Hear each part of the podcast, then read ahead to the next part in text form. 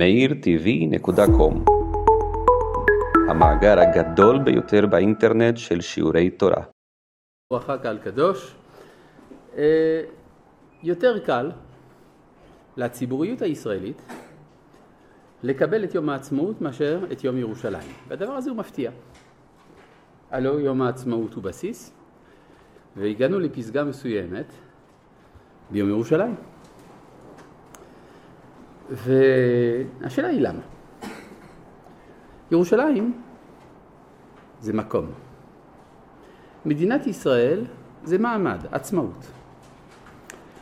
ויותר קל לעם היהודי להעריך, עד כמה שניתן, את העצמאות המדינית, אפילו נאמר הקדושה של העצמאות הזאת, לעומת קדושת המקום. קדושת המקום זה סוגיה מאוד לא פתורה אצל היהודים. ועצם זה שיש חג שמציין את שחרורו של מקום, אפשר להגיד חג החנוכה, זה גם היה טהרת המקדש, אבל זה טהרתו של המקדש. בעוד שכאן אנחנו מדברים על הר הבית בידינו, ירושלים מאוחדת. שבנו הביתה. הדבר הזה באיזשהו מקום מהווה איזושהי אה, סתירה למשהו עמוק מאוד בנפש היהודית, היהודי הנודד, ויש איזושהי רתיעה ממפגש עם הרעיון הזה. אם כן יוצא לפי זה שאדרבה, תודה רבה. יום ירושלים מהווה עבורנו הזדמנות של מפגש עם קדושת המקום. המשמעות של קדושת המקום והסיבות להתנגדות הפנימית לקדושת המקום. אה, מקסימום יגידו שירושלים קדושה לשלושת הדתות, שזה דרך לומר שזה לא קדוש. כן? כלומר, אה, בסדר, יהודים השתגעו, נוצרים השתגעו, מוסלמים השתגעו, ולכן הם מייחסים קדושה למקום, אבל זה, זה פגאני, זה לא, זה לא באמת, כן? זה, זה לא, זה לא. וכאן אנחנו צריכים להבין משהו מאוד משמעותי. ריבונו של עולם קבע דייט עם עמו. כשקובעים דייט, קובעים מקום. והמקום הוא משמעותי. ריבונו של עולם החליט שהוא צריך להיפגש עמנו. הוא המתין לנו, כן? זה לא נעים לעמוד בחוץ הרבה זמן, כן? שפתחי לי אחותי רעייתי, יונתי תמתי שראשי נמלטה על קבוצותיי רסיסי לילה, הוא ממתין, הוא ממתין. ואילו הרעיה, כנסת ישראל, אומרת, פשטתי את כותונתי, חכה ילבשנה, הוא רוצה שאני אקום מהמיטה לפתוח. רחצתי את רגליי, רחת ענפי, והרצפה מלוכלכת. דודי שלח ידו מן החור. מהחור של הדלת, זה הכוונה. ומאה יעמו אליו. קמתי אני לפתוח לדודי. כמה תיאורים, וידיי נטפו מור, ואצבעותיי מור עובר על כפות המנעול. וואו, וואו, וואו, כמה תיאורים! פתחתי אני לדודי. דודי חמק עבר. נמאס לו לחכות, חשב שאני לא אפתח. אבל ריבונו של עולם, במהלך ההיסטוריה כמה פעמים חיכה לנו. נפגשנו אגב לכמה דייטים, והפעם אנחנו בדייט השלישי המשמעותי, האמיתי, ויש למפגש הזה מקום. כאן מקום לברר מה זה קדושת המקום. יש, אה, ברוך אתה אדוני, אלוהים מלך העולם שהכל ידוע. יש הוגה דעות חשוב בעם ישראל, אברהם יהושע השל. אברהם יהושע השל, אה, שהיה שייך לתנועה הקונסרבטיבית, אבל זה לא כל כך אשמתו, היה פילוסוף יהודי אקזיסטנציאליסטי בארצות הברית, אמנם לא נולד שם, אבל עבר בצעירותו, אני חושב, לארצות הברית. היה מהלוחמים למען הזכויות של השחורים בארצות הברית. כתב ספרים חשובים על יהדות, ובאחד מספריו על יום השבת הוא מסביר מה ההבדל בין יהודים לגויים ביחס לקדושת המקום. והתזה הבסיסית שלו, שהתפרסמה הרבה ויש לה השפעות עד עצם היום הזה, והיא שביהדות יש קדושה לאדם, שהרי מצאנו ממלכת כהנים וגוי קדוש. מצאנו קדושה לזמן, כן, ויברך אלוהים את יום השביעי ויקדש אותו, אם כן יש קדושה לזמן, דבר מופשט. אבל קדושת המקום, אומר זה בדיעבד. ועשו לי מקדש ושכנתי בתוכם, נאמר, הוא נקט לפי העמדה של הראשונים שאומרים שזה נאמר אחרי החטא. החטא של העגל, חטא של עבודה זרה, אז יש איזשהו ויתור עבור החולשה האנושית, ולכן התורה הסכימה, בדיעבד גדול, שתהיה קדושה גם במקום, אבל זה לא מהותי. הטוב ביותר זה הקדושה בזמן, בעוד שאומות העולם בונים את הארמונות שלהם ואת האנדרטאות שלהם בתוך המרחב וכובשים את המרחב, וכובשים את, את המרחב, עם ישראל כובש לו מחוזות בזמן. כלומר, השבת, המועדים, הפנימיות של החיים היהודיים בתוך הבית, זהו המקום של קדושת הזמן בישראל, ואין קדושה באמת למקום. לפי התפיסה הזאת, החיים הגלותיים הם עדיפים. אם אכן זה כך, שכל העניין של קדושת המקום בא בעקבות איזושהי חולשה של האדם, אז אם ככה, יוצא שקדושת המקום באמת מפריעה לנו, מכבידה עלינו, ועדיף לחיות בקדושת המקום, עדיף לחיות במסגרת מופשטת של הזמן. וצריך לראות בעצם, אה, האמירה הזאת, יש לה הד לא רק אצל אברהם יהושע אשל, שהוא זה שביטא את זה בצורה הכי חזקה, וגם להבדיל מיליארד הבדלות אצל ישעיהו ליבוביץ', אבל גם אצל הראשונים, רבי עובדיה ספורנו, אף הוא סבור שקדושת המקום זה דבר שבדיעבד. והדבר הזה עומד בסתירה למספר מקורות מאוד מאוד משמעותיים. נודע ביהודה אלוהים, בישראל גדול שמו, ויהי בשלם סוכו ומעונתו בציון. חז"ל בילקוט שמעוני אומרים שעוד לפני שנברא העולם, הקדוש ברוך הוא בנה לו סוכה בהר הבית. אגב, אל תשאלו איך זה לפני בריאת העולם, יש כבר הר הבית ויש כבר סוכה, ואיך הקדוש ברוך הוא בכלל בונה לו סוכה. השאלות האלה, עם כל מה שמעניין אותם, אותם, מה שמעניין בהם מבחינה לוגית, לא מעניינות את המדרש בכלל. וכתוב באותו מדרש שהקדוש ברוך הוא בנה לו סוכה בהר הבית והיה נכנס בה. בכלל, אלוהים נכנס בתוך סוכה זה בכלל לא מובן. הוא מתפלל ואומר, יהי רצון מלפניי, שיבנו לי בניי בית במקום הזה. אז מלבד כל 15 הקושיות הלוגיות שעולות מיד כשקוראים במדרש כזה, אבל דבר אחד ברור, המדרש הזה אומר שיש מגמה פנימית לבריאה לפני כל היותה, והיא מתמקדת במקום. כלומר, לא רק זה, הקדוש ברוך הוא קובע את קדושת המקום, ולאחר מכן הוא דורש שבניו ייפגשו עמו במקום הזה. זאת אומרת, יוצא לפי זה שלא המפגש הבלתי אמצעי דרך החוויה הפנימית של האדם זה מטרת הבריאה, אלא הפגישה במקום מסוים. זה דבר שצריך ברור. מה זה בא לומר? מצד אחד, יש לנו רתיעה טבעית מהדברים האלה. מה הרתיעה? ואולי ניכנס כבר לסוד הרתיעה הזאת. למה יש רתיעה ליהודים מקדושת המקום? התשובה היא פשוטה מאוד. אנחנו חושבים עבודה זרה. מהי עבודה זרה? עבודה זרה זה הגשמה. אתה מייחס אה, ערך, קדושה, לחפצים, לדברים מגושמים, חסרי נשמה. ואתה אומר, אה, זה בעצם תפיסה מגית. זה בא לומר, יש איזה טריקים של קדושה, יש טריקים להצליח, טריקים למגע עם אלוהים, דרך כל מיני חפצים גשמיים, ולכן זה קשה. קשה לקבל, איך אפשר, כן? שיש לדברים האלה ערך, כן, מקרה כשמדובר במקום. ולכן ניתן לומר בהחלט, אני עכשיו אגיד דבר מסוכן, אפשר להגיד דברים מסוכנים? אפשר להגיד שבאמת היהדות אינה מייחסת קדושה למקום. אבל מה, מה היא כן אומרת?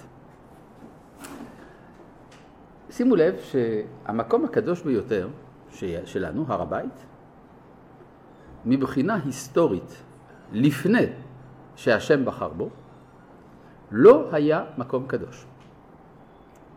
לא שהוא לא מבריאת העולם, השם השתית, שמע את הבריאה, אבל מבחינה היסטורית תרבותית לא היה מקום קדוש. חז"ל אומרים, מה גד החוזה, מה היה חלקו של גד החוזה בבניין המקדש?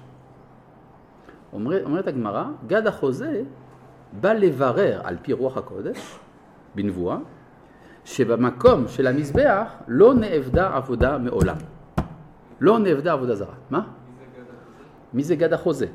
גד החוזה מוזכר בתנ"ך. לכן מומלץ לקרוא בתנ"ך מי הוא היה.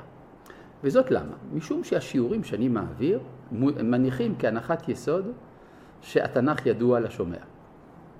בסדר? מצטער. מה? איפה זה בתנ"ך? היום יש אפשרות להקליד. אתה מקליד בגוגל גד החוזה.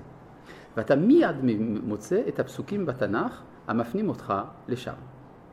ולכן אין לי ברירה, למרות חשקי הגדול להסביר מי היה גד החוזה, אני מוכרח לדחות את הבקשה הנחמדה הזאת על הסף. בסדר, אוקיי.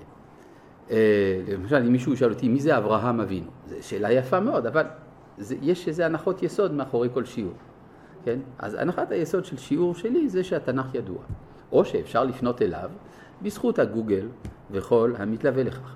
ובכן, אה, אה, הגמרא אומרת שגד החוזה בא לברר שלא נאבדה עבודה זרה באותו מקום לפני שדוד בנה שם את המזבח. למרות שהייתה עבודתו של אברהם אבינו, עם יצחק אבינו עליו השלום, אבל עבודה זרה לא נאבדה. הדבר הזה הוא מאוד משמעותי. איך זה יכול להיות? למשל, היום אם אתם מחפשים מקומות קדושים, כן? מחפשים מקומות קדושים. אז מוצאים, אה, בארץ יש הרבה, מוצאים איזשהו, איזשהו מסגד עתיק. חוקרים קצת, אומרים, אתם יודעים, הקירות של המסגד, מתחת לצריח, זה כנסייה עתיקה. זה כנסייה ביזנטית, שהפכה להיות אה, מסגד. אבל אם תחפשו טוב טוב, הבסיס, היסודות של הכנסייה הזאת, זה בעצם היה מקדש אליניסטי או רומי, עתיק יותר. ואם תחפרו מתחת למקדש הזה, תמצאו איזה משהו פרה-היסטורי שהייתה בו עבודה קדומה, איזה מעיין או איזה דבר כזה. ומה זה בא לומר? זה בא לומר שהמקומות הקדושים מעריכים חיים יותר מהדתות. כן? זה דבר ברור. כן? אה, אפילו למשל בהר הזיתים יש אה, מקום שבו אומרים המוסלמים שמשם עלה מוחמד השמיימה, משום מה זה בנוי על המקום שעליו אומרים הנוצרים שאותו האיש עלה השמיימה, ואי אפשר שלא להיזכר, להבדיל מיליארד הבדלות, בגמרא שאומרת שהשכינה עלתה מהר הזיתים. כלומר, יש למקומות עוצמות רוחניות אדירות, שגורמות לבני אדם למצוא שם את השם. למצוא איזשהו קישור אל האלוהות במקומות. ואפשר לומר, זה הבסיס של העבודה זרה. עובדי עבודה זרה לא היו אנשים מטומטמים שאמרו, וואלה, מצאנו גבעה, על הגבעה הזאת נבנה מזבח. לא, זה לא ככה. אלא מדובר באנשים בעלי רגישות מאוד מיוחדת לעוצמות האנרגטיות, למרידיאנים אפשר לקרוא לזה, כן, שמתהלכים בכל המקומות האלה, לכן הגמרא אומרת, למה התורה אמרה שצריך לאבד את כל העבודה זרה, על כל גבעה נישא ותחת כל עץ רענן? כדי שנדע איפה לחפש. שתדע שעל כל גבעה נישא ותחת כל עץ רענן, שמה תמצא עבודה זרה. כלומר, גם הגמרא מודעת לזה שיש קישור בין הקדושה שלה, בין הקדושה המיוחסת למקומות לבין עוצמת החיים שבמקומות.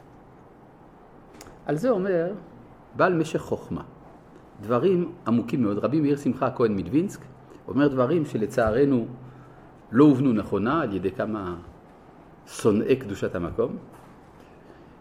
רבי אה, מאיר הכהן, אה, רבי שמחה הכהן מדווינסק אומר, שעל זה נאמר בתורה, אבד תאבדון את כל, אולי מישהו יודע? המקומות אשר עבדו שם הגויים. כלומר, צריך לפני שאתה מאבד את המזבחות, את המקדשים, את הפסלים, את הכסף והזהב, צריך לפני כן לאבד את המקומות. כלומר, כאילו להוציא את המיץ, להוציא את השפע הרוחני שנמצא במקומות האלה, להפוך אותם לסטרילים. אבד תאבדון את כל המקומות. אחרי שאתם מאבדים את כל המקומות, ואיבדתם את מסכותם ואת מזבחותם תיטוצון ואשר הם תגדעון ופסילי אלוהים תשרפון באש ואיבדתם את, את שמה מן המקום ההוא. אבל זה התחיל לא מעיבוד המזבחות, זה עיבוד המקום. זאת אומרת שהתורה רצתה להוציא מאיתנו את המשיכה המגנטית שיש למקום. נו, ומה אחר כך? אחר כך אומרת התורה, לא תעשון כן להשם אלוהיכם. כלומר, מה זה לא תעשון כן להשם אלוהיכם? וכי עלה בדעתך שנצטרך להרוס את מזבח השם? למרות שככה ההלכה, שמי שהורס את המזבח עובר על לא תעשון כן. אבל בפשוטו של מקרא, הרי ברור שההקשר איננו לא תעשון כן להשם אלוהיכם שלא תשרפו את בית המקדש. אלא לא תעשון כן להשם אלוהיכם, כלומר לא תעשו קדושת המקום כמו שהם עושים, כי אם אל המקום אשר יבחר השם מכל שבטיך, לשכנו תדרשו ובאת שמה והבאתם שמה עולותיכם וזבחיכם וכו'. כלומר, מה שיקבע את קדושת המקום איננו המקום, אלא אשר יבחר השם. זאת קדושה של המקום שהיא טרנסצנדנטית, שהיא באה מחוץ לטבע. ומביא לזה המשך חוכמה ראייה, שהרי היה לנו עוד מקום קדוש חוץ מהר הבית, זה הר סיני. לא תיגע בו יד, פן, יב... פן יסקול יסקל, או ירו יירא, אסור לעלות אל הר סיני. וכאשר הסתלקה משם השכינה, מותר לעלות להר סיני. היום מי שעולה להר סיני, אם הוא יודע איפה זה, יש מחלוקת, מי שעולה להר סיני לא עובר על שום איסור. למה אומר המשך אומר? נסתלקה משם השכינה, אין כבר סיבה לבחירת המקום, המקום כבר לא קדוש. לעומת זה, קדושת המקדש היא קדושה עולמית. כלומר, לא בגלל שיש קדושה באבנים מצד עצמם, מצד היותם אבנים, אלא מצד שהקדוש ברוך הוא משרה שכינתו במקום. זה המקום שבו אתה פוגש את השם. כיוון שהפגישה הזאת היא פגישה נצחית, עולמית, אה, פה ישב, אה, זאת מנוחתי עד, עד פה ישב כביתיה, לכן אסור לחלל את המקום הזה, צריך להיזהר בו. אז זה, זה בעצם תפיסה של מצד אחד קדושת המקום, מצד שני שלילה של קדושת המקום. כלומר, קדושת מקום שנובעת משלילה של היסוד האלילי של קדושת המקום. אני חושב שזו נקודה מאוד מאוד חשובה, כי אנחנו אומרים למשל, אה, את מקדשי תיראו, אומרים חז"ל, לא מן המקדש אתה ירא, למרות שכתוב מקדשי תיראו, אלא ממי ששיכן שמו במקום הזה. לא, עובדי עבודה זרה סבורים שהמקום יש לו קדושה עצמית.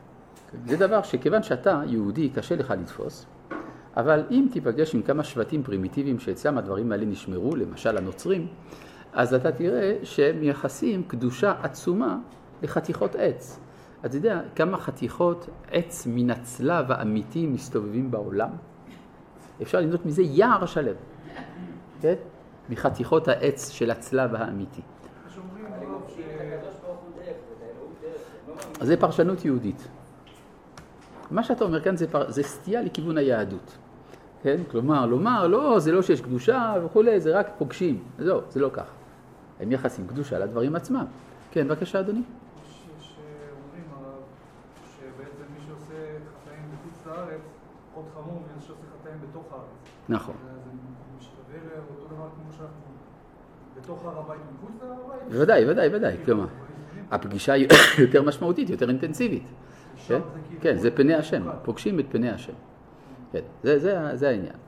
אז אה, עכשיו, אם הקדוש ברוך הוא שחרר את הר הבית בשנת תשכ"ז, כנראה שהוא סבור שאנחנו מספיק בוגרים כאומה להיפגש עמו.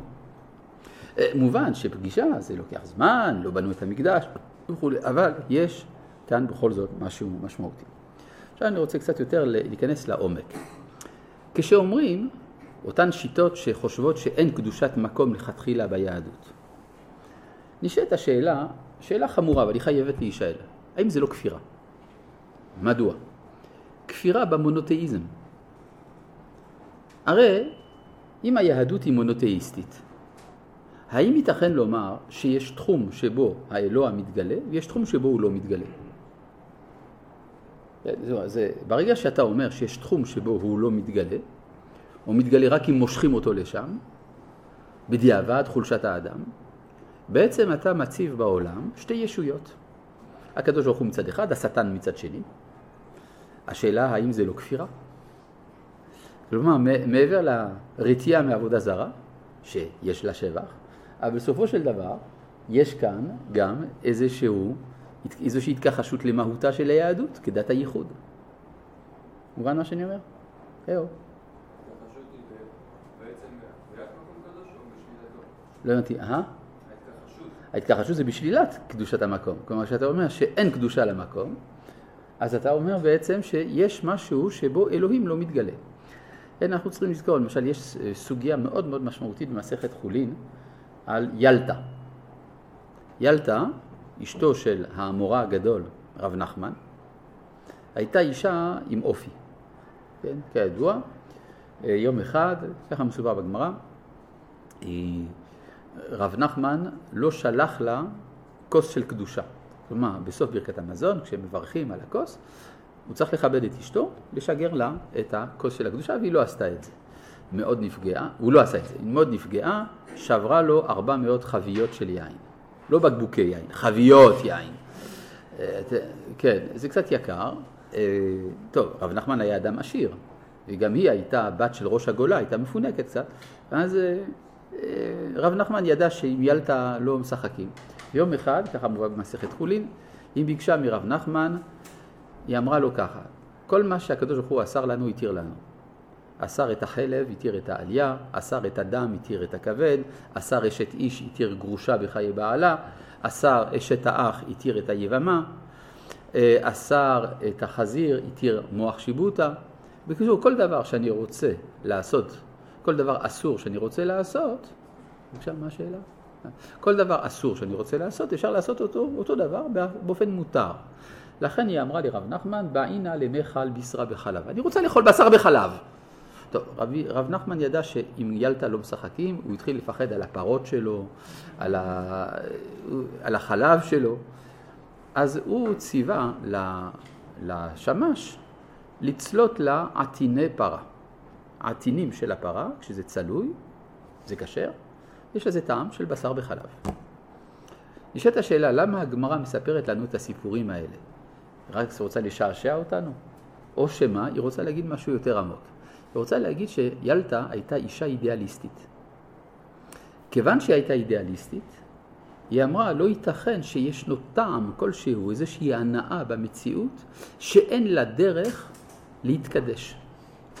ולכן, דווקא בשם התביעה האידיאליסטית של הקדושה בכל, היא תובעת לדעת איך אוכלים בשר בחלב. אותו דבר לגבי קדושת המקום. אם אתה אומר שהקדוש ברוך הוא לא מתגלה בקדושת המקום, או שהוא לא חפץ בזה, יש בזה איזושהי כפירה בייחוד השם. כן. לא, הרב, הפוך, אתה אומר, מי שולט בקדושת המקום, הוא אומר בעצם שהשם מתגלה בכל מקום באותה מידה. לא, הוא לא מתגלה בשום מקום. טוב, זה סתם כופרים, אבל... אה, זה בדיוק זה. אני לא רוצה סתם אה, להמציא, אבל... אה, כן. לא, לא רוצה להגיד שמות של רבנים סתם, אבל יש כאלה שאמרו, בתקופת העלייה לארץ, שבאמת אסור לעשות אלילות מארץ ישראל, ארץ ישראל, כי השם הוא בכל העולם, בכל כן, מקום. כן, נכון. אז זה בדיוק מה שאמרו רבנים גדולים מאוד, למשל, שמוע בן זקור, שפט בן חורי, אה, ועוד, מה? אה, נחבי בן וופסי, כן, כן, הם היו גדולי, גדולי עולם. כן, חז"ל מספרים לנו שהאנשים האלה היו גדולי הדור בימי משה ואהרון. כלומר, זה לא אה, גדול הדור בטעות, זה גדול הדור איפה שיש כלפי מי למדוד, כן, משה ואהרון. ועליהם, בדיוק, זאת הייתה בדיוק הטענה שלהם. מה, קדושת מקום? אמרו, אין בעל הבית יכול להוציא כליו משם, זה, גד, זה חזק מדי, אנחנו רוצים לעבוד את השם במדבר. כן, על זה יש הערה מעניינת, אה, יש פה חומש הראייה. לא, לא, אין פה, אין פה, בסדר, לא משנה. יש ספר חומש הראייה, אה, אבל אה, בסדר, תעזוב. נו, מה אתה אומר?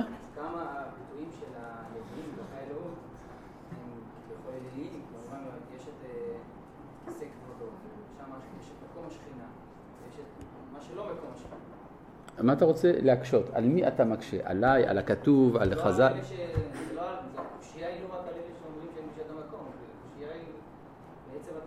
על מי אתה מקשה? לא הבנתי. עליי? מה? אתה מקשה על הנביאים, אז תשלח להם פקס, מה...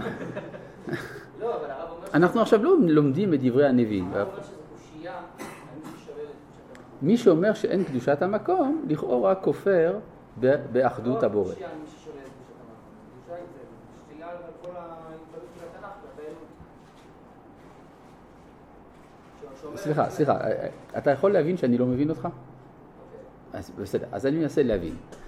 על אה, מהי קושייתך ועל מי? קודם כל נתחיל, על מי? את. לא, לא, לא, אני רוצה להבין, כדי שאני אבין, אתה מבין? צריך להבין את החולשה הלימודית שלי. יש, אני מוגבל. אני רוצה להבין, על מי אתה מקשה? ב', מהי הקושייה? בבקשה. א', הרב אמר, אוקיי, שיש קושייה על אותם ששוללים את את מקום הקדושה. נגיד שיש- אלה ששוללים את קדושת המקום. כן, נו, הלאה. לא... מה קדושת המקום, כן. לא אז אתה אומר שיש להם לימוד זכות. כלומר שהם לא, יש להם על מה להתבסס. זה מה שאתה אומר? זה אומר שהרב מקשה על התנ"ך. אה, אתה אומר שהתנ"ך כן מסכים עם הגישה השוללת את קדושת המקום. זה מה שאתה אומר? מסכים עם ה... כן, אז זאת אומרת, עליי אתה מקשה עכשיו. בסדר, עכשיו, לא, כדי על מי, בסדר. אז הקשית עליי. אני אמרתי שלפי היהדות יש קדושת המקום, ואתה אומר שזה לא נכון, התנ"ך מלא משלילת קדושת המקום, אוקיי? זה מה שאתה אומר? אז בסדר, אז כשתדע בדיוק מה אתה רוצה להקשות, תשלח לי מייל, ואז אני אשמח לדעת. בבקשה. לא, אני לא יכול ככה, שכדי להבין שאלה של השואל, אני צריך לעשות חקירה שלמה, וחמש פעמים להבין מה אתה אומר, זה מעבר לכוחי. בבקשה. הרב אומר משהו מאוד מאוד, אה, כאילו שמעתי את זה לרבי ברוך השם, אה, שבאמת התורה מתירה הכל מהכל, ופשוט עניין של זמן. בין אם זה כל דבר ודבר. תנאים, הכל עניין של תנאים, כן. יש- תחכה קצת תקבל את זה, לא חייב עכשיו. So what? יש עניין של שעטנז. נכון. זה אסור. נכון. כן, זאת אומרת, אתה אומר ש... לא. לא, אם אני מבין ככה, אתה אומר שבעצם הפסוקים שאומרים שבגדי הכהן הם משעטנז לא קיימים, זה המצאה. לא, אבל כרגע למציאות שלנו... רגע, רגע, אני רוצה להבין משהו. אמרת שלא ייתכן אי פעם להתיר שעטנז. לא, לא אי פעם, דור שלנו. אנחנו- רגע, אבל, סליחה, אבל אתה אמרת בהתחלה, אתה ייחסת לי את האמירה שעם הזמן זה יגיע. ופתאום אתה אומר, זה לא מגיע עכשיו. לכאורה, זה תחילת קושייתך, סותרת את המשך קושייתך. אז הרב אומר שבעתיד, שיבנה בית המקדש... לא אמרתי כשיבנה בית המקדש, יש עתיד שבו יותר שעטנז, זה גמרא מפורשת במסכת יבמות. בסדר? זה הכל. בסדר. אז, אה, אבל שוב, אה, כששואלים שאלה, אני מבקש שהשאלה תהיה לוגית. כן, בבקשה. בין, כאילו. לא אמרתי שזה עצמי, ההפך, זה עצמי לקדוש ברוך הוא שחל במקום. כן. זה קשה, כי אני רואה שהרמב"ם ב- בהלכות מקדש אומר, למה יש מורה שבת. זה מאיפה שלומדים שיש. אבל עכשיו כשהוא מדבר, הרמב"ם בהלכות בית הבחירה אומר, קדושת הבית לא בטלה לעולם, מפני שקדושת המקדש, מפני השכינה, ושכינה אינה בטלה. הרי הוא אומר, והשימותי את מקדשכם, אף על פי ששוממין בקדושתן הן עומדים. כן? ככה הוא כותב במפורש. בסדר? בבקשה. הרב, לגבי מה שאמרת, שבעתיד אה, יקרו דברים, כמו שהכנסת, לדוגמה, איך זה מסתדר עם דת הרמב"ם, שהוא אומר זו שאלה נפלאה, ותסביר לי מדוע אני לא אענה על זה עכשיו. כי אני, כי זה מחוץ לנושא. כלומר, זה הוזכר בדרך אגב, לא על מנת לפתח את הנושא הזה. ולכן לפי כללי השיעורים, אנחנו מזכירים דבר בדרך אגב כדי להסביר את העניין הנלמד, אנחנו לא עונים על שאלות על הנושא שהובא בדרך אגב. כן, בבקשה. לא משנה, הסבר למה זה לא מעניין. עכשיו, אה, יש אה, שאלה, אני הייתי רוצה להרחיב קצת יותר. המושג של קדושת המקום, מה המשמעות שלו? כן, כי הם מדברים, יש קדושה, בסדר, אבל מה זה אומר? יש בעולם דברים שמעצבנים אותנו. כן? יש דברים שמעצבנים. מה מעצבן? התשובה באופן כללי, שזה מה שמגביל. מגביל. כן? אתה יכול לשאול אותי, כמו לשאול אותו. כן, יש דברים שהם מגבילים. ובני אדם משתדלים מאוד להתגבר על ההגבלות. משתדלים. איך, איך עושים את זה? צריך לברר קודם כל מה, מה הגבולות. אחת הגבולות זה גבולות, הז... גבולות המקום. עוד גבול, גבול הזמן. הדבר השלישי, הנפש. מה שבספר יצירה מכונה עשן, עולם שנה נפש, או אם תרצו, מקום זמן אדם. מה פירוש הדבר, ההגבלה שמוטלת עליי מכוח המקום? מקום, אני פה. זה יפה מאוד, אבל כשאני פה אני לא שם. אני הייתי רוצה, כשאני פה, גם להיות שם. האם זה אפשרי? לא, זה לא אפשרי. כי צריך לבחור. מה? לא, אני פה, אני לא, אני פה לא במחשבה, אני פה עובדתית. עובדתית, פיזית, מוחשית. ואני, כשאני פה, אני לא שם. וכשאני שם, אני לא פה. כלומר, יש איזושהי מגבלה מאוד מאוד משמעותית, שאדם יכול להיות רק במקום אחד, בו זמנית. יש ניסיונות של האדם להתגבר על זה. הנה, אני שם עכשיו מצלמות שמצלמות גם את החדר השני. אז אני פה ורואה מה שיש שם. או אני יכול להשתמש אפילו בטלסקופ, לראות מיליארדי קילומטרים, מיליארדי שנות אור מפה, אני יכול לראות מה שיש. אבל זה לא מספק עד הסוף. ולכן בני אדם גם מנסים לקצר את הזמן שמביא אותם ממקום למקום. אמצעי התחבורה מחברים את האדם יותר ויותר לכל המקומות, כאילו שאפשר להיות בכל מקום בבת אחת. אבל עדיין אי אפשר, רק ריבונו של עולם יכול. אותו דבר לגבי הזמן. אני עכשיו. עכשיו? אני לא אתמול ולא מחר. יש ספרי פנטזיה על נסיעה בתוך הזמן. אפשר לחזור אחורה, אפשר להתקדם קדימה, לראות מה יהיה בעתיד, לחזור להווה.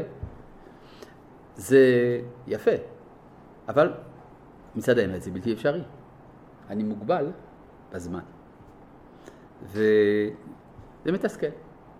בגלל זה יש מחקר של ההיסטוריה, חיזוי העתיד, ניסיונות כאלה.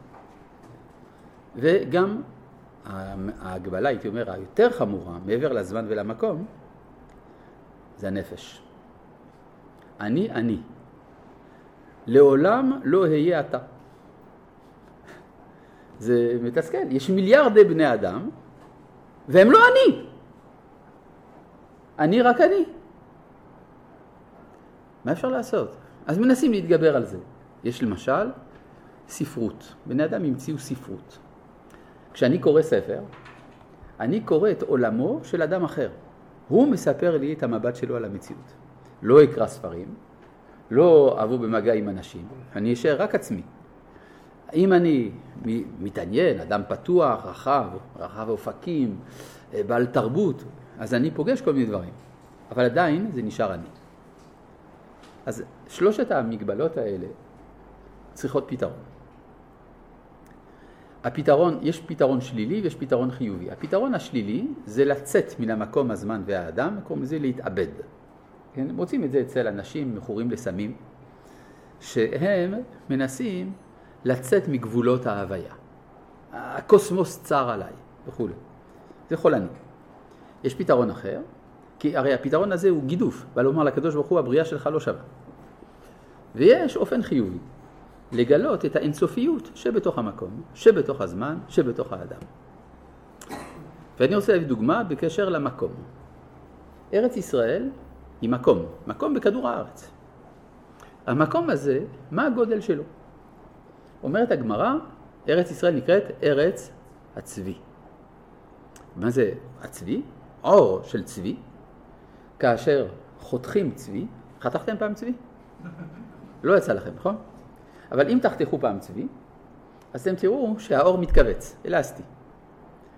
ואז מוצאים את כל האיברים, הלב, הריאות וכו'. אחר כך אתה מנסה להחזיר, אין, אין מקום. אומרת הגמרא, כשארץ ישראל בלי בניה, נראית קטנטנה. כשהיה פה, וכשבניה בא, יש מקום לכולם. הייתה פה ועדה שקראו לה ועדת פיל ב-1936 או 7, 1937. ועדה של המנדט הבריטי עם הלורד פיל כדי לבדוק את האפשרות של יישוב, של הקמת מדינה בארץ ישראל ליהודים. באותם הימים היו בארץ 400 אלף יהודים, זהו, רק 400 אלף. והוועדה הסתובבה כאן, הגיעה למסקנה שאין מקום אפילו לחתול להוסיף בארץ ישראל. זהו, מלא מדי. האמת אי אפשר להבין, כיוון שזה היה פיל, אז תפס מקום, עזב את הארץ, פתאום יש מקום לכולם. כן, אבל באמת זה הייתה ארץ, זה ארץ הצבי. אומרת הגמרא, זה לא רק זה, בואו ניכנס לפי המשנה בירושלים. מעולם לא אמר אדם, צר לי המקום שעלון בירושלים. פתאום בירושלים יש מקום לכולם, מה קרה? זה מקום קטן, לא, יש מקום לכולם.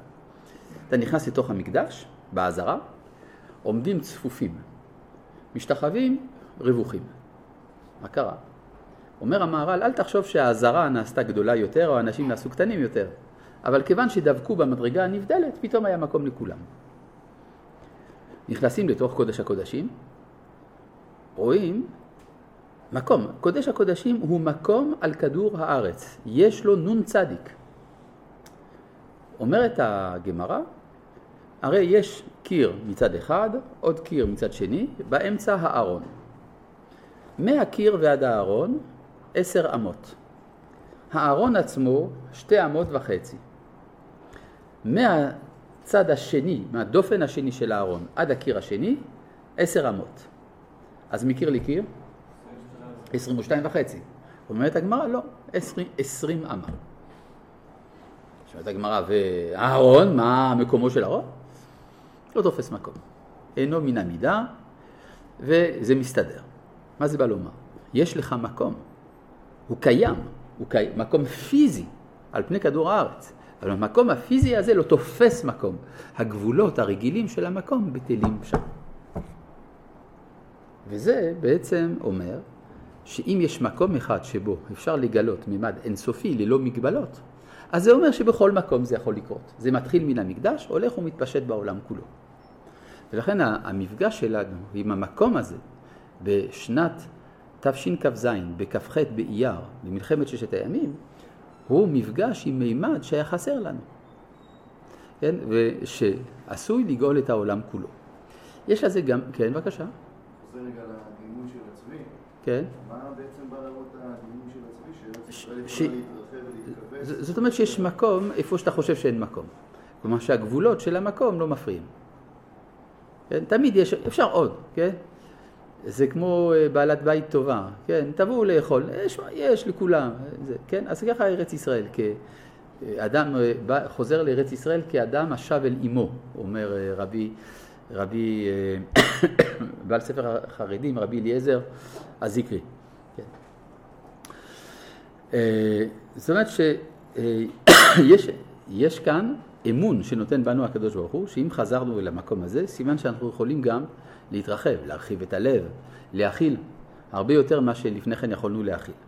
יש הרי הלכה שאסור לחבר לאכול אצל עם הארץ. מה זה חברים? מה זה עמי ארצות? חבר זה אדם שמקפיד על שני דברים. א', על הפרשת תרומות ומעשרות כראוי, שתיים, אם הוא כבר אוכל תרומה, אם הוא כהן, שהוא אוכל בטהרה ולא בטומאה.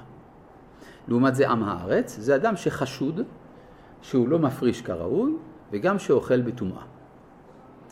אסור לחבר לאכול אצל עם הארץ. אומרת הגמרא, בזמן העלייה לרגל לירושלים, כולם יכולים לאכול אצל כולם. למה? כי ירושלים הבנויה כעיר שחוברה לה יחדיו. מה זה חוברה? שעושה כל ישראל חברים. זה פה במובן ההלכתי, חברים ולא עמי ארצות. יוצא הרגל, טח, חוזר כל האיסור. מה זה בא לומר? שמי שאתה כל השנה רואה אותו כעם הארץ, כשהוא נפגש עם ירושלים, פתאום מתגלה שהוא חבר. יש תכונה פנימית חברית בכל אחד מישראל שהיא חבויה, והיא מתגלה כשעם ישראל נפגש עם ירושלים. אז זה קורה בקודש הקודשים, כשכהן גדול נכנס לשם, זה קורה ברגל, וזה קורה כשהצנחנים מגיעים אל הכותל המערבי. אני לא אדם דתי, מעולם לא הייתי, אבל אני נוגע באבני הכותל והוא בוכה. שודר בשידור ישיר, ברדיו, בזמן ההתרחשות. צנחנים בוכים. לפני כמה שנים חלק מהצנחנים האלה הופיעו בטלוויזיה, אמרו לא בכינו. אם כן יש פה מחלוקת בין הרדיו לטלוויזיה. נשאלת השאלה מי צודק. אז אפשר לומר בוודאות שמי שצודק זה הטלוויזיה. כי הטלוויזיה זה טכנולוגיה יותר מתקדמת. אז אני רוצה להבין איך זה יכול להיות שברדיו שמענו אותם בוכים, בטלוויזיה לא. התשובה היא פשוטה מאוד. הם באמת לא בכו. זה נכון שהיו דמעות בעיניים שלהם, אבל זה לא היה הדמעות שלהם. זה היה דמעות של כנסת ישראל שנפגשת עם קדושת ירושלים, והם היו הנציגים של כנסת ישראל השבה אל ירושלים. ולכן אם תשאל אותו, בכית? לא. היו דמעות? כן, אבל זה לא אני. פעם יצא לי לפגוש אישה אחת שהגיעה מחוץ לארץ לביקור בארץ, תיירות. אישה רחוקה מאוד מקיום תורה ומצוות, על סף התבוללות מוחלטת. היא אמרה לי, אתה יודע, אני הייתי רוצה לשאול אותך שאלה. אתמול ביקרתי בכותל המערבי, אתה יכול להסביר לי מה קרה? כי אני כשהתקרבתי לכותל פתאום שמתי לב שפניי מלאות בדמעות. איך זה? זה, זה אותו הדבר. כן, האדם נפגש עם הפנימיות, עם העצמיות שלו, וזה קורה בזמנים מיוחדים, אחד מהם כ"ח באייר תשכ"ז, מכל מיני סיבות. כן. טוב, אה, שאלה לגבי קדושת המקום. כן. אה, יש הרי אה, מה שנקרא תלמוד ירושלמי, נכון. ויש תלמוד הבבלי. נכון. יש טעמים מחז"ל, אומרים שבכל מקום בעולם היה שבוי איזה משהו, ובארץ היה שבוי חוכמה, מה השאלה? אנשי הארץ, כמוני אותי. בארץ היה, אה, היה שבוי חוכמה, אז אנשים שהיו פה היו כאילו חכמים. השאלה שהיא, אם יש קדושת מקום, וגם יש חוכמה לאנשים שנמצאים פה בארץ, וכתבו פה גמרא שנקראת הת- התלמוד הירושלמי. למה, למה רוב, רוב היהודים לומדים תלמוד הבבלי כתחילה, ו- אה, ולא תלמוד ירושלמי? אני מבין. כלומר, אתה שואל, אם התלמוד הירושלמי הוא במדרגה כל כך גבוהה, כי הוא תלמודה של ארץ ישראל, אז מדוע התלמוד הבבלי גבר? האם, האם יש... יש... אתה שואל מדוע התלמוד הבבלי גבר. התשובה, כי הגלות גברה. כן, זה, זה בדיוק העניין. כלומר, אה, ליוצא ולבא אין שלום, אומרים חז"ל, זה היוצא מתלמוד לתלמוד. כי לצאת מתלמוד אחד לתלמוד השני זה שינוי זהות. וזה לא דבר שהוא פשוט ומובן מאליו. עכשיו אני רוצה פה להגיע לשאלה, כן בבקשה. בנוגע ל... ל- ש- שהיו- שהיו ב- בעזרה, אז אה, היו צפופים והיה מרחב לכולם, לא ממש היה מדרגה שהיה מקום לכולם. מה זה- כן. זה אומר? שאנשים יכולים, כשהם עומדים במצב של הם עומדים לפני השם, וזה רציני, להיפגש עם ממד שמעל הגבולות הרגילים. בסדר? אפשר לקרוא לזה על טבעיות, כן? אפשר לקרוא... הטבעית. בדיוק, על טבעיות בתוך אם הטבעיות. מישהו מצלם את זה מהצד, מה הוא... מי שמצלם את זה מהצד, אז הוא מהצד. למה שיצלם בכלל? כן, עכשיו... לא, זה... כן. אם, אם, אם, אם אה, אנחנו לומדים בעצם תלמוד בבבלי, כרגע עכשיו אנחנו בארץ ישראל, זאת אומרת, הגלות חזרה, עכשיו אנחנו נמצאים בארץ ישראל. אז למה אנחנו עכשיו לא לומדים את התלמוד? התלמוד מי אמר שלא תלמיד? לומדים גם את התלמוד לא, הירושלמי. למה לא תלמוד את זה? היום אני לומד גמרא אנחנו מבינים לא, כי זה. בדיוק העניין. שהדורות עברו, אפשר לומר, תודה רבה. הלימוד והדורות, זה השימוש תלמידי חכמים עבר דרך הבבלי. אי אפשר לכתוב את ההיסטוריה מחדש. בסדר. עכשיו, אני רוצה לענות, להתייחס עכשיו לשאלה משמעותית, יש לנו עוד מעט זמן. המקום הזה ששחררנו במלחמת ששת הימים, בחסדי השם, מה אמור להיות שם? מישהו יודע? המקום הזה ששחררנו בחסדי השם במלחמת ששת הימים, מה אמור להיות שם? מקדש, כן, בסדר. מקווה שיודעים, כן, לפעמים דברים פשוטים שוכחים. אז אמור להיות שם המקדש. נו, אז למה מחכים? יש בזה חמש שיטות. ולכאורה, חמש השיטות חלוקות זו על זו באופן קוטבי לחלוטין. כוונתי היא להראות שאין פה שום מחלוקת באמת. הדעה האחת היא שבית המקדש צריך להיבנות, זו מצווה מן התורה. אמנם מצווה על אה, כלל ישראל, לא על הפרט. כלומר, אין לי מצווה לקחת עכשיו קרוון, להכניס אותו להר הבית ולהפוך אותו למקדש, אין לי מצווה כזאת, אבל זו מצווה על ממשלת ישראל. ממשלת ישראל צריכה להעביר חוק תקציב מיוחד, תקציבים לבניית המקדש והחזקתו ומינוי הכהנים וכו' וכו'. זה הדעה הראשונה, דעת הרמב"ם. הדעה השנייה, הקוטבית, לכאורה הפוכה לגמרי, אומרת שבית המקדש ירד מהשמיים. מה פירוש ירד מהשמיים? יש איזה מטאור שמסתובב לו בתוך הגלקסיה, ששם המקדש כבר בנוי, הוא רק מחכה לאישור נחיתה. יום אחד אנחנו נשמע שריקה אדירה, בום! נפ- נחת מטאור על הר הבית עם המקדש בנוי, הכל בסדר. כן? אתם רואים שזו עמדה הפוכה. ייבנה מן השמיים. לכאורה, בין שתי העמדות האלה אין, אין, אין פשרה. או ככה או ככה. דעה שלישית אומרת, לא, לא, לא, זה לא ככה. בית המקדש ייבנ... מה? מיוחס לרש"י, יש מה לדון, האם רש"י באמת התכוון לזה, לא התכוון לזה. אני בכוונה לא רוצה לתת צי... שמות וציונים לאנשים, בגלל שאפשר על כל דבר להתווכח, אני מביא את הגישות מצד עצמם. הגישה השלישית אומרת, לא, בית המקדש ייבנה בידי אדם ויושלם בידי שמיים. במובן הזה זה לא כל כך שונה ממה שהיה בימי משה, שבנה את המשכן ושרתה עליו שכינה, בימי שלמה, שבנה את המקדש ושרתה עליו שכינה. זה לא כל כך שונה, וכך יהיה גם כן. התחלנו, אנחנו מתחילים, בסוף הקדוש ברוך הוא משלים. זה הדעה השלישית. הדעה הרביעית אומרת, לא, מה פתאום. בית המקדש ירד מהשמיים, אבל לא מושלם, ואנחנו נשלים אותו. שעל זה נאמר, שמחנו בתיקונו. כן? כלומר, הוא ירד, אבל יצטרכו כמה, כמה חרסינות להחליף, אה, אינסטלציה, כל מיני דברים כאלה, כוכלה וזה, על זה נאמר, שמחנו בתיקונו, ירד מהשמיים, אבל קצת בשביל ההרגשה הטובה, כבודו מכובד בשימת אה, כוכלה וכו'. זה הדעה הרביעית. אה, מה הדעה הנכונה? החמישית כמובן. מה? אה? מה אתה אומר? של הרמח"ל. כן, הדעה הנכונה היא דעת הרמח"ל. אני אסביר למה הכוונה. הרמח"ל אומר בספרו משכני עליון, על הבית השלישי, הוא אומר, בית המקדש ירד מן השמיים ואז בני אדם יבנו אותו. בית המקדש ירד מן השמיים ואז בני אדם יבנו אותו. עכשיו אני רוצה להבין מה, מה הכוונה של דברי הרמח"ל. קודם כל צריך להבין מה זה מן השמיים. יש הרבה מקורות, מדברים על זה באומה, בית המקדש בא מן השמיים.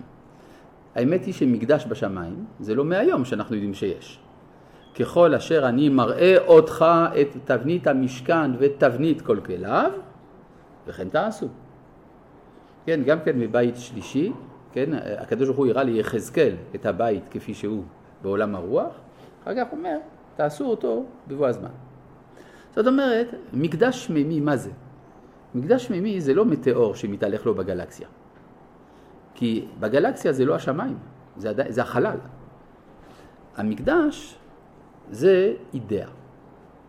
כן, מונחים אפלטונים, נאמר, מקדש אידאי, והמקדש האידאי הזה מתגשם, בא לידי ביטוי במציאות. זאת אומרת שיבוא זמן שחכמי ישראל, או הנביאים, יסתובבו להם בהר הבית ויאמרו, וואו, פה צריך להיות המזבח, פה מדרגות, פה תעלה, פה קיר. זאת אומרת שהמקדש ירד מן השמיים, ועכשיו הגיע הזמן לבנות אותו. לבנות אותו פיזית, הוא ירד רוחנית, ועכשיו בונים אותו פיזית. אם תעשו חשבון, התפיסה הזאת של רמח"ל מתאימה לכל השיטות כולן. כי בואו ננסה להבין משהו. כדי להגיע למצב כזה שיש תפיסה רוחנית, שהגיע הזמן לבנות את המקדש, או נגיד אפילו אפשרות שעם ישראל יסכים לבנות את המקדש. אני אמרתי, הממשלה צריכה להעביר חוק, בסדר. מה יביא את הממשלה להעביר את החוק? של לבנות בית המקדש, להתמודד עם כל העולם הערבי ועם כל העולם המערבי ועם, ועם הדתיים שלא יסכימו. מאיפה יבוא העוז? צריכה להיות עלייה תרבותית כזאת שתביא לתעוזה גדולה, לעוצמה גדולה, וזו עוצמה של רוח הקודש. אז זה לא כל כך שונה מהשיטה שאומרת שהמקדש יורד מהשמיים, או שצריך נבואה. אלה אומרים נבואה זה לעיכובה, בלי נביא אתה לא בונה. ואלה שאומרים לא צריך נביא, אומרים כן, אבל במציאות זה לא יקרה בלי נביא. כלומר, בסופו של דבר, כולם אומרים אותו הדבר, כמו רמח"ל, שבית המקדש ירד מן השמיים, ואז אנחנו נבנה אותו. חג שמח.